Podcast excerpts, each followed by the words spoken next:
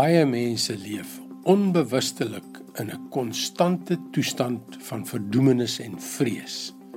In werklikheid beroof daardie knaande gevoel van vrees baie mense van die vryheid wat Jesus vir ons gebring het.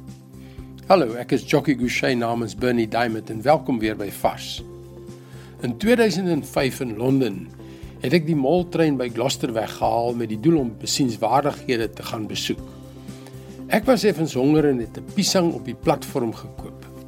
Maar ek kon nêrens 'n vullisdrom vind om die piesangskil in weg te gooi nie. Toe besef ek waarom.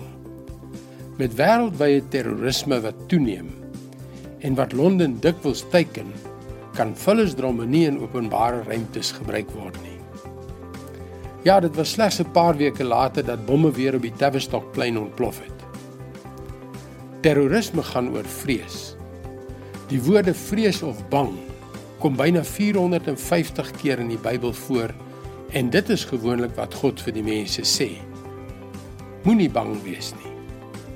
In 2 Konings 1 vers 15 lees ons: Die engel van die Here het vir Elia gesê: Klim af saam met hom Moenie vir hom bang wees nie.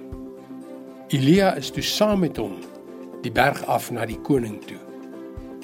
Ons kan en ons behoort verstandige voorsorgmaatreëls op allerlei terreine van ons lewens te tref.